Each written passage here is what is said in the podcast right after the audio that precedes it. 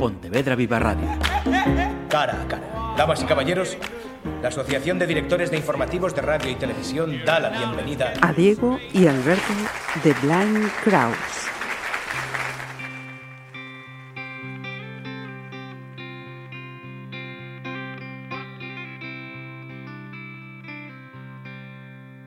Saludos, nos vamos a la música en este cara a cara y a la música local.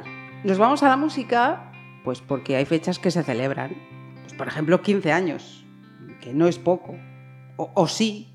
Casi mejor que nos lo digan los invitados. Alberto y Diego Kraus.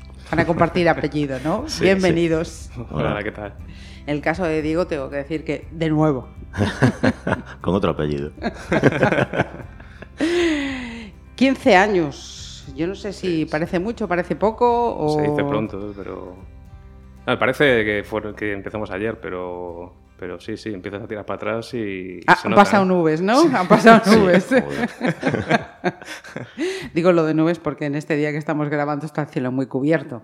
Igual cuando lo estéis escuchando está el día despejadísimo. Pero bueno, em, con tal motivo eh, vamos a charlar eh, con ellos porque además de cumplir 15 años han dicho, oye, pues eh, vamos a grabar un disco.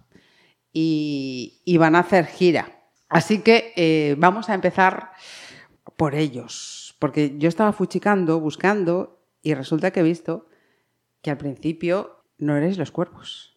No. Éramos la habitación del ruido. Noisy Room.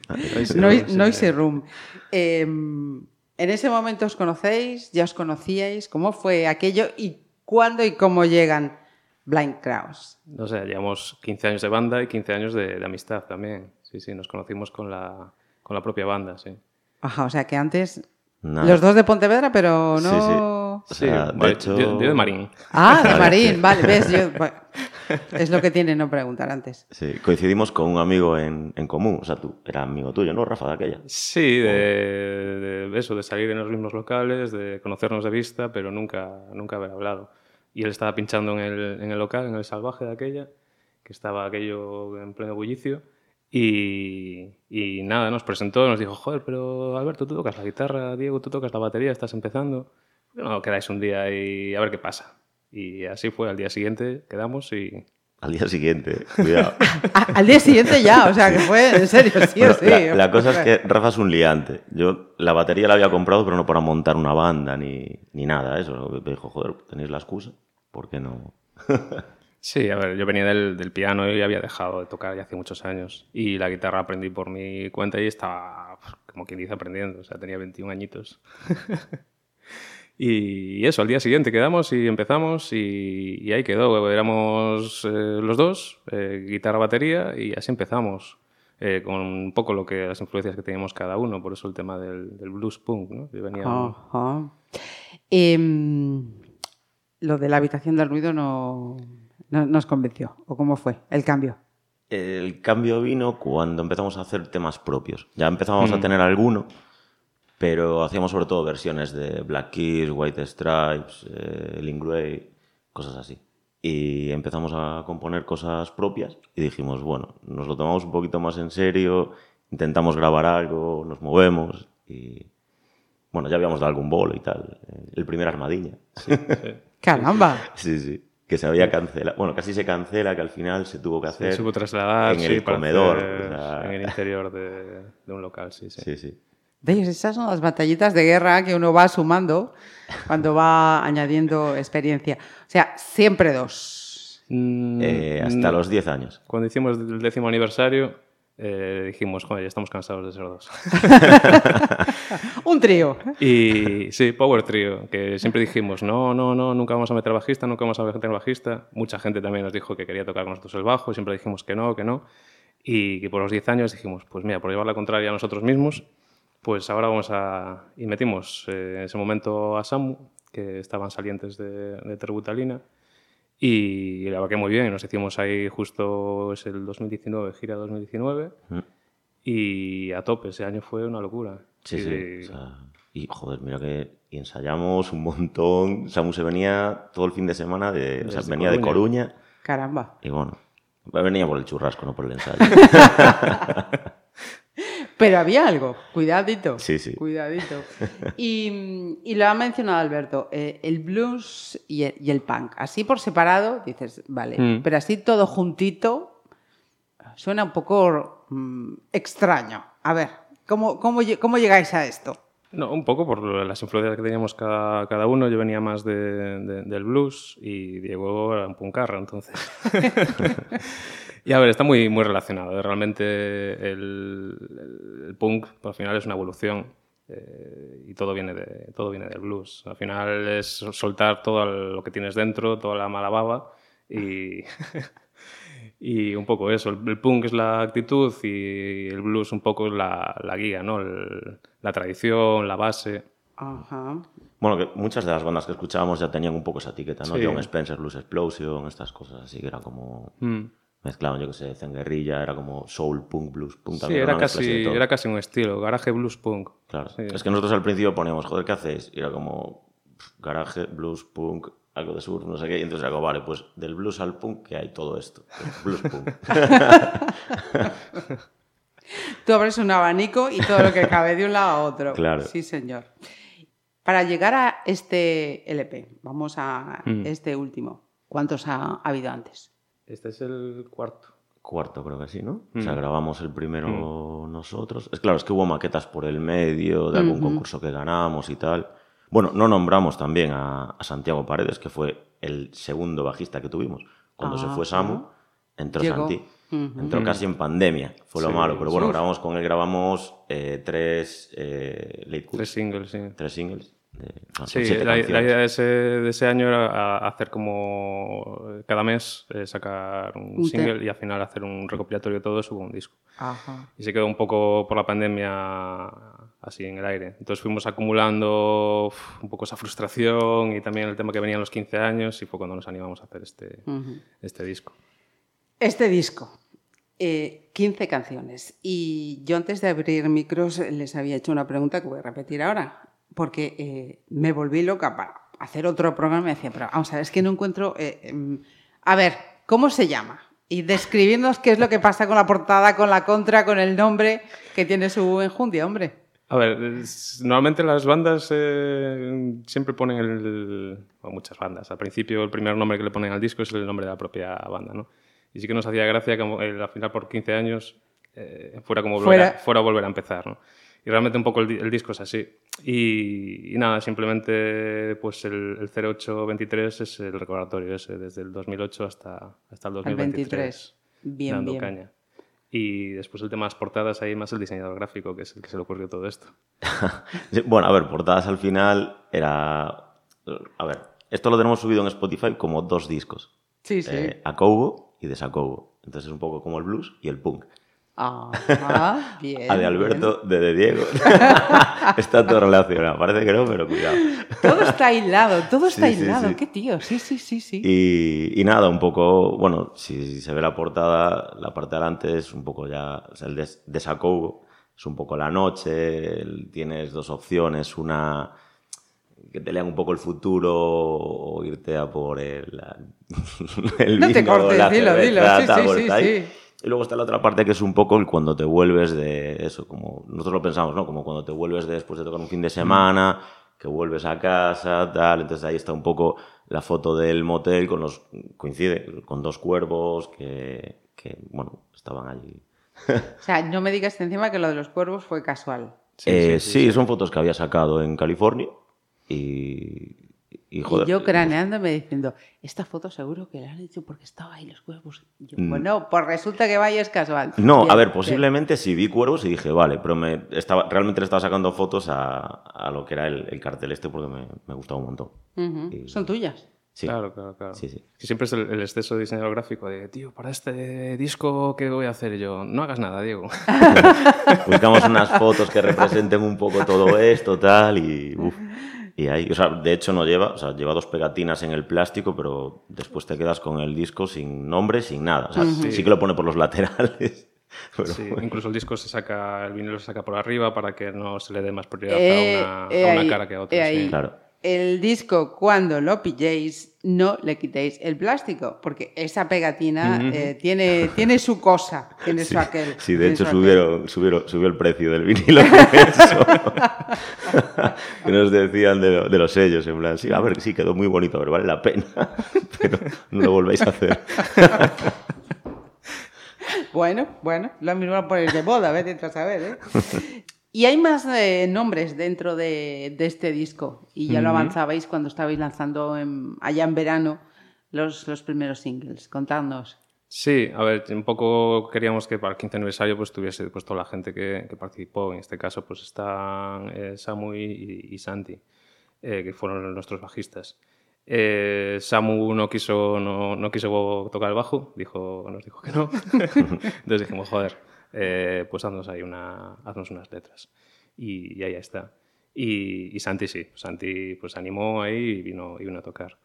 Y, y a mayores, pues está, está el tema de, de Corbocego, que fue un poco improvisado, el- no sabíamos un poco qué hacer y al final pues nos dijeron, oye, mira, ¿por qué no llamáis a, a esta chica, a, a Eva Eva? Uteiro.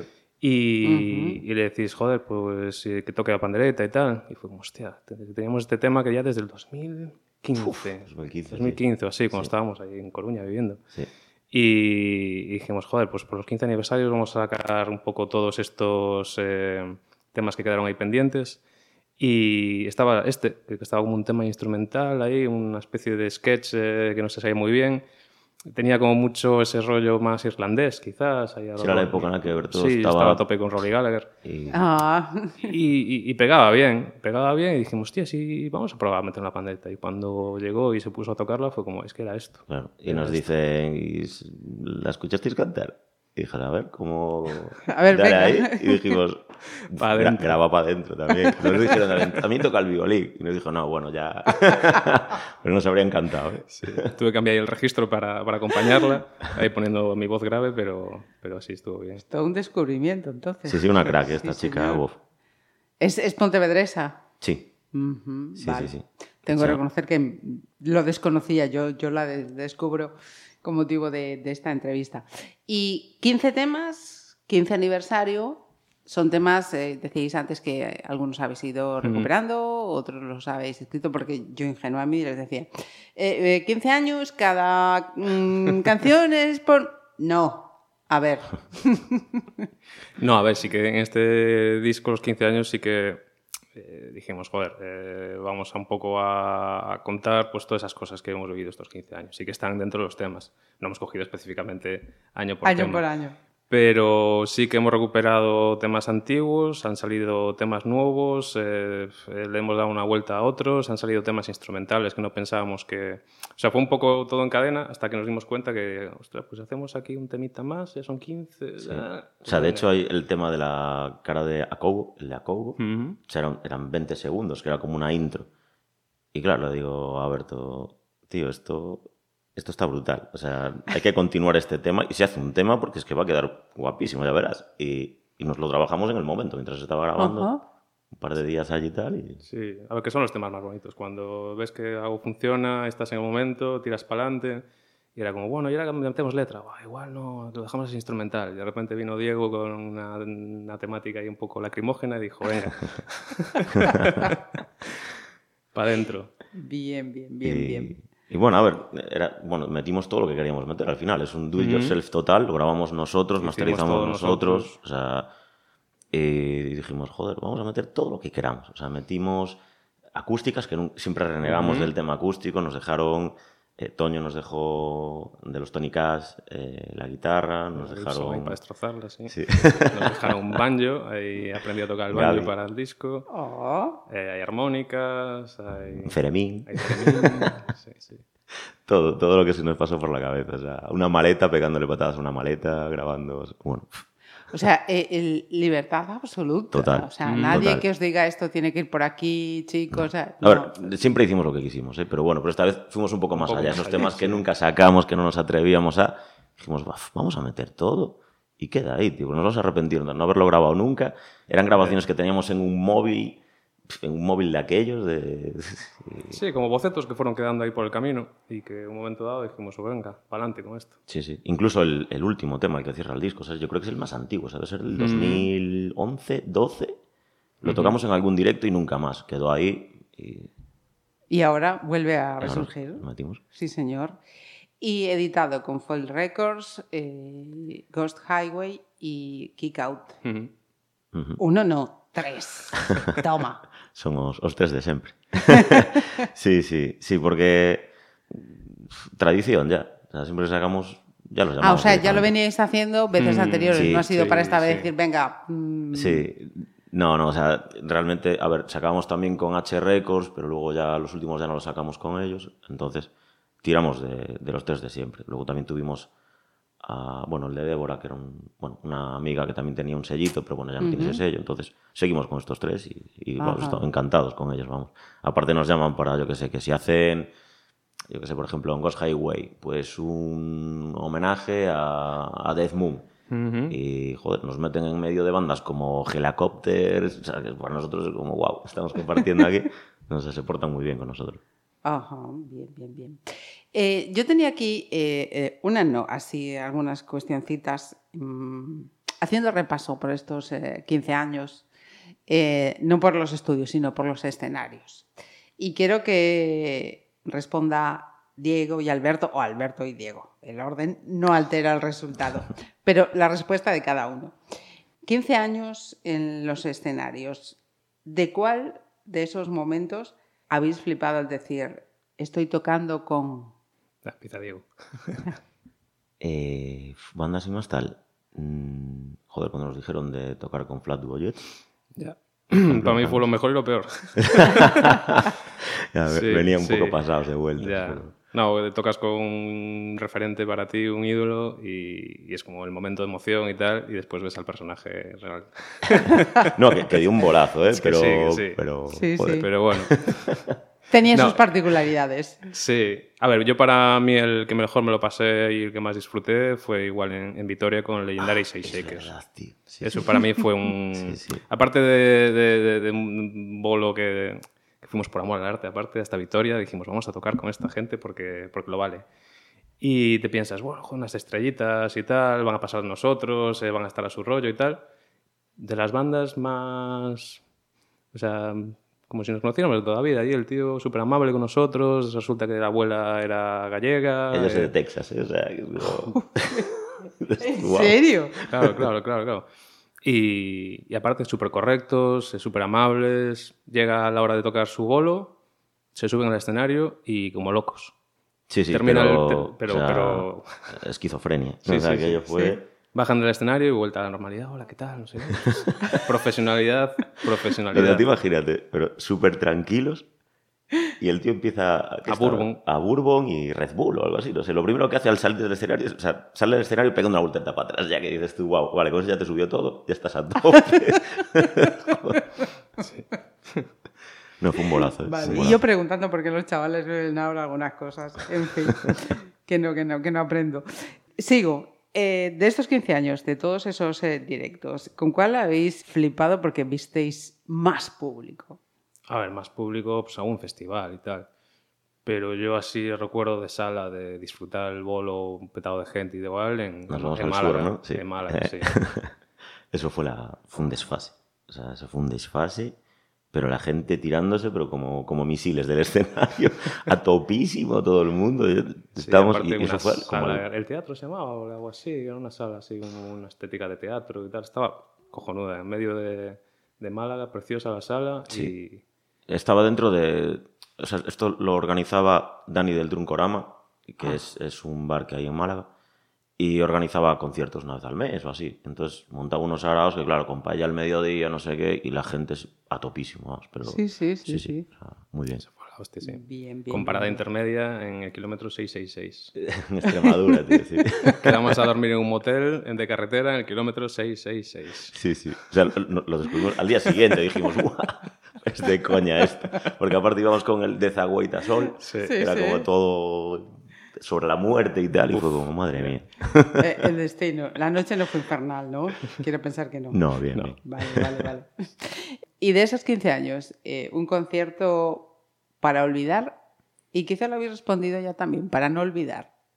Si hay compromiso en algún caso, no digáis el nombre. Difumináis un poco el escenario para evitar Mm, malos rollos. No, a ver, eh, sí que nos hemos encontrado en estos 15 años y han sido muy pocos los casos, eh, salas en las que no, nos han tratado muy mal.